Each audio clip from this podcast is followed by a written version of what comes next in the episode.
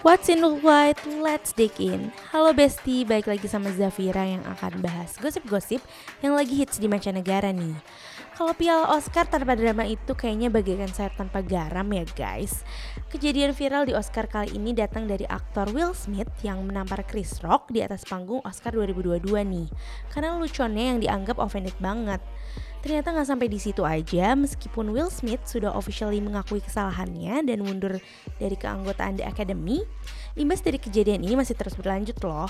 Ternyata Will Smith juga diberi hukuman tidak boleh menghadiri piala Oscar selama 10 tahun loh. Nah, dari kejadian ini kalian bisa banyak belajar. Yang pertama, jangan cepat tersulut api emosi dan juga buat kalian yang suka bercanda, jangan kelewatan batas ya.